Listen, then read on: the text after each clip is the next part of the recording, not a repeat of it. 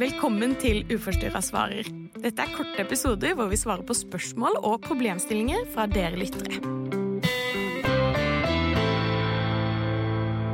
Velkommen i studio igjen, Maria. Takk. Nå har vi fått inn et spørsmål som jeg syns er ganske interessant. Det er fra en sykepleier som tidligere har hatt en spiseforstyrrelse, som sier hvordan kan man bruke egenerfaringen sin som ressurs? Og hun opplyser også om at hun rett og slett ikke klarer å jobbe med akkurat den brukergruppen pga. sin historie. Mm. Jeg tenker det er veldig fint at vi får inn et sånt spørsmål, for jeg tror jo vi er ganske sånn farga av at jo, jo, egen erfaring er jo eh, bare en kjempefin ressurs, og noen kan bruke positivt, og, og vi er jo veldig vant til at det er en stor del av jobben vår, ikke sant? Så derfor tenker jeg det er litt sånn fint at en kan reflektere litt rundt hvordan kan det være utfordrende, og at det kanskje ikke er for alle, eller i alle tilfeller en skal bruke det. Mm. Ja, for det er liksom det å ha egen erfaring med en spiseforstyrrelse og skulle jobbe med eh, mennesker som har en spiseforstyrrelse, det er som du sier, det kan være en kjemperessurs, men så er det noe med at det kan også være en bakside der. Eksempel hvis man ikke har fått bearbeida nok historien sin, eller at man er så inni sin egen historie at man eh, nærmest nesten lar historien sin farge andres historie. Og jeg tenker jo liksom at det er en langvarig prosess, det her med å kjenne at ok, nå er jeg klar for å dele av min egen erfaring. Nå er jeg klar for å bruke den. Mm. For det, man skal på en måte ha kommet et stykke videre i prosessen sin. Absolutt. Um, og jeg husker jo for min egen del at jeg måtte ha skikkelig avstand fra tematikken i noen år etter jeg hadde blitt friskmeldt, skulle jeg si, at uh, jeg bare hadde det så oppi halsen. Jeg var så lei av at det tok plass, jeg var lei av å prate om det, jeg var lei av å bli definert som det. Så jeg gikk liksom helt i motsatt retning i noen år, fordi jeg bare sånn nei, det orker ikke jeg å uh, snakke om i det hele tatt. Og så, når jeg på en måte hadde fått bearbeida det litt og fått den uh, friplassen, eller hva jeg skal si, så eh, følte jeg meg etter hvert klar for å ta kontakt med ROS og begynne å jobbe frivillig der.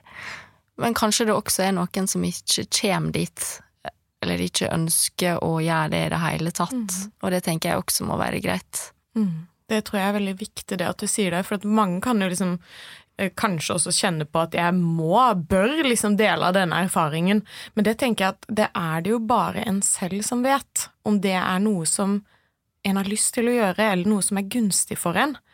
Og så tenker jeg at hvis man kommer dit at man kjenner at åh, jeg har lyst til å dele av erfaringen min, jeg har lyst til å bruke all den smerten til noe positivt, så er det jo noe med å, å rett og slett se på det litt som en læringsprosess, også hvordan man skal dele.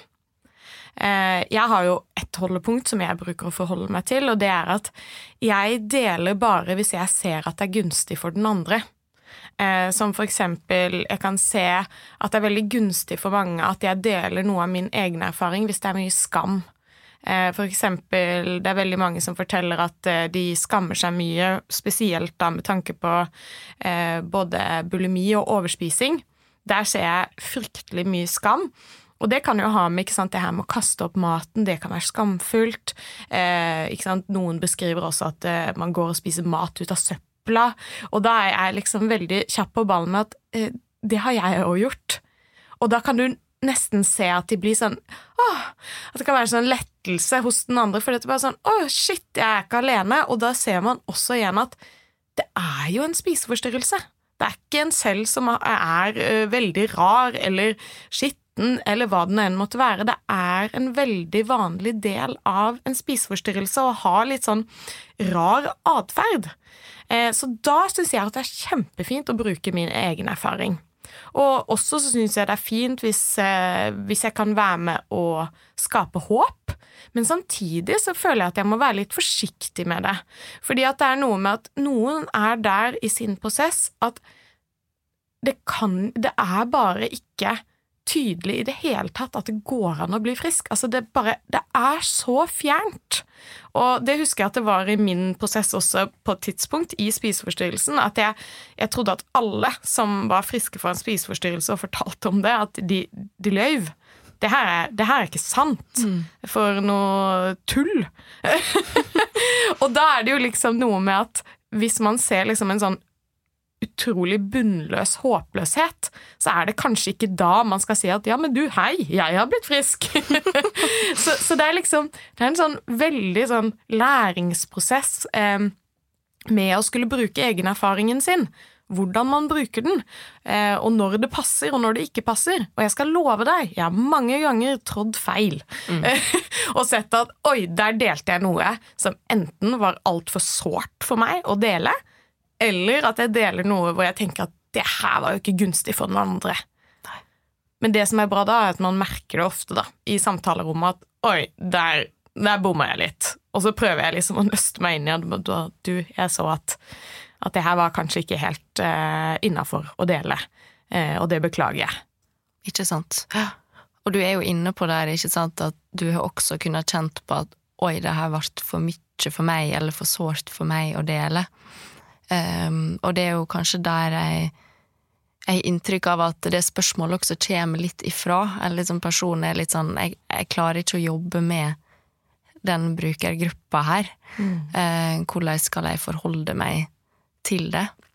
Og jeg tenker jo at uh, det er veldig lov til å være ærlig med seg sjøl der. At uh, nei, kanskje en ikke skal jobbe med den gruppa, da, i hvert fall så lenge en kjenner det på den måten.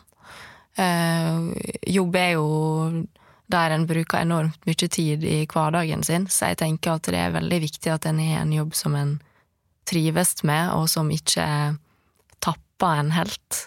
Mm. Uh, og det å skulle gå og forholde seg til en tematikk eller en brukergruppe der en sjøl fortsatt har for mye greier, eller ikke har fått bearbeida eller klar for det, det er kan jeg jo bare se for meg må være fryktelig slitsomt. Mm. Altså, skulle jeg ha gjort det i de åra der jeg virkelig trengte avstand fra det, det hadde ikke gjort meg godt, tror jeg. Mm.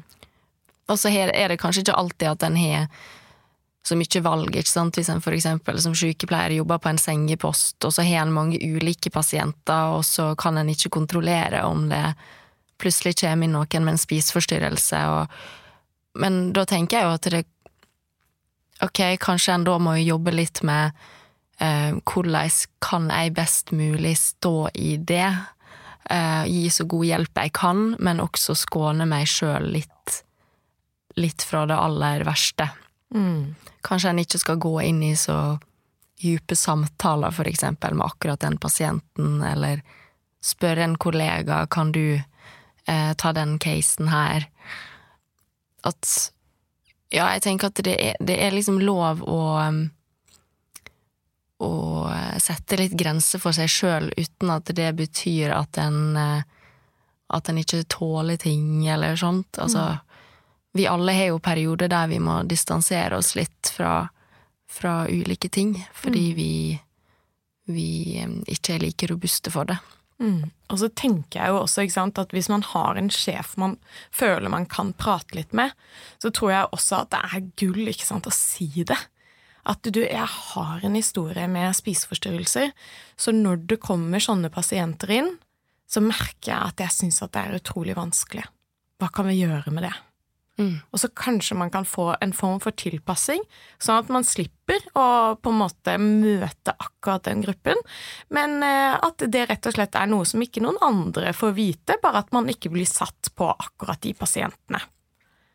Og så tenker jeg jo også det her med egen erfaring, det er jo også litt sånn vanskelig å vite hvordan det former en egentlig.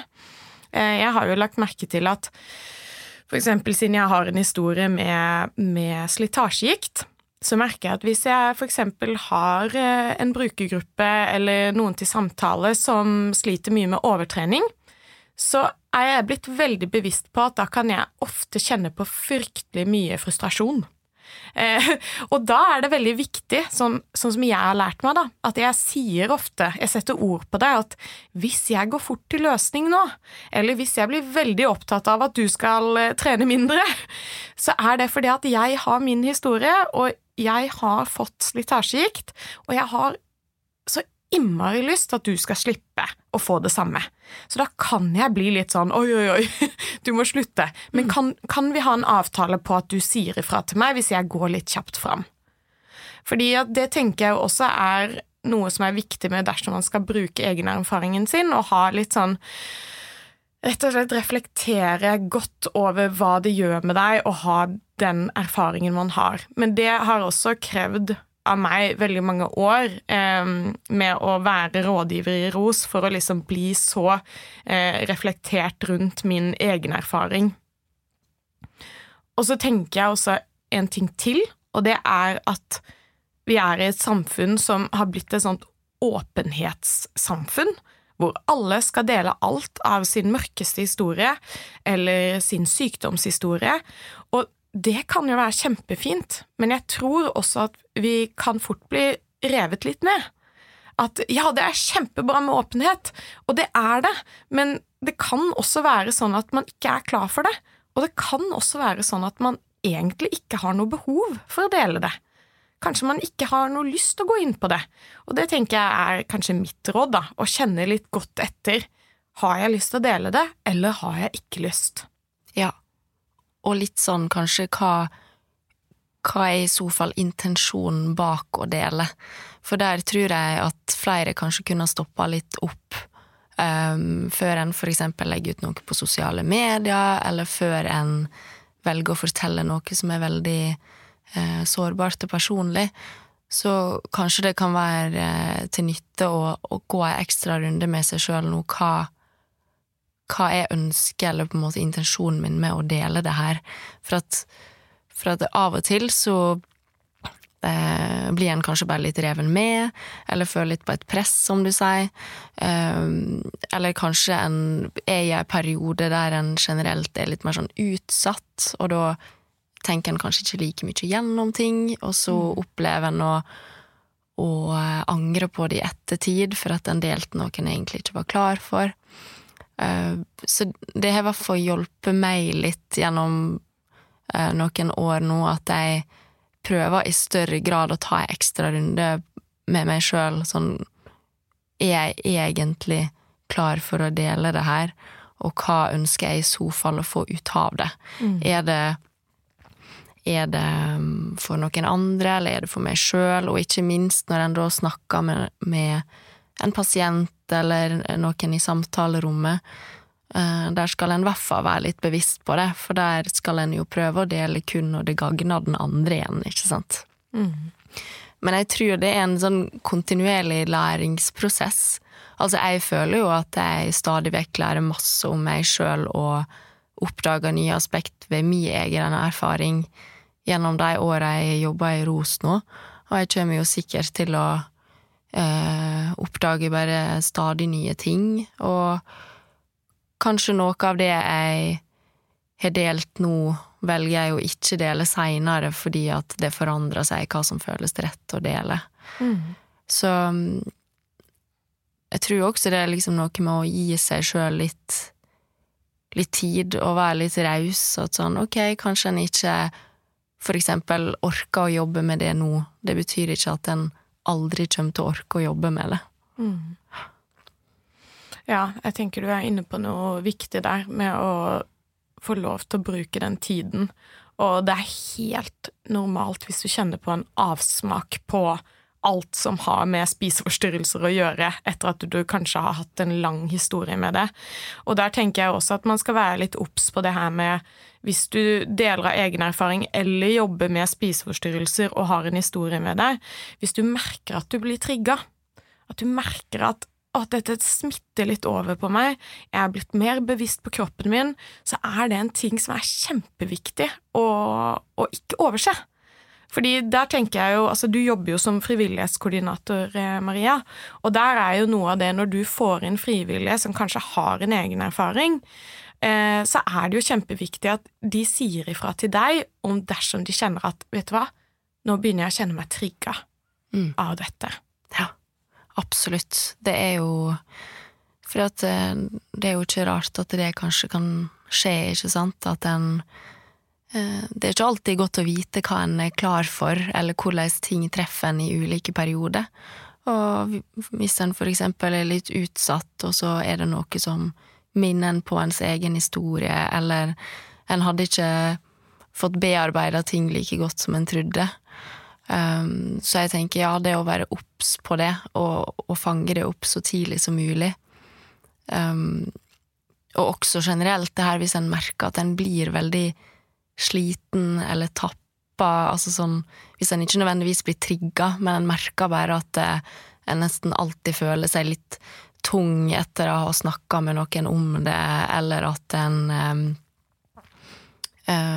ja, at en eh, ikke får liksom samme energien av det lenger når det gjelder å dele egen erfaring. At det også er veldig viktig å ta på alvor.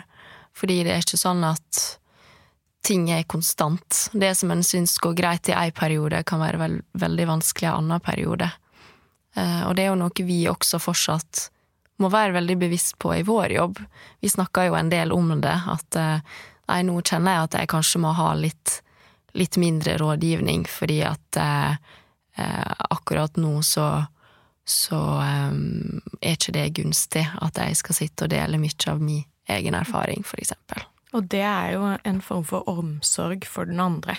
Ja. Fordi at hvis ikke jeg klarer å være til stede i samtalerommet eller i den andre sin historie, så er jo ikke det godt for den andre heller, ikke sant? Nei. Så det, det er en viktig læringsprosess, rett og slett. Mm. Så hvis vi, hvis vi, oppsummerer litt på slutten her, så er det noe med å kjenne etter selv.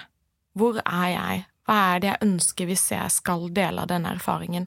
Og hvis du kjenner sånn som denne personen eh, som sendte inn dette spørsmålet, at jeg orker ikke jobbe med den gruppen, så tenker jeg at du skal lytte til det. Og så kan det være det blir annerledes en gang i fremtiden, eller så kan det være at det rett og slett ikke er en brukergruppe du skal jobbe med. Mm. Takk for at du lyttet til podkasten vår. Dersom du kjenner deg igjen, eller noen rundt deg, så kan du ta kontakt med oss på nettros.no. Denne podkasten er laga med støtte fra Kavlifondet og med god hjelp fra produksjonsbyrået Både og.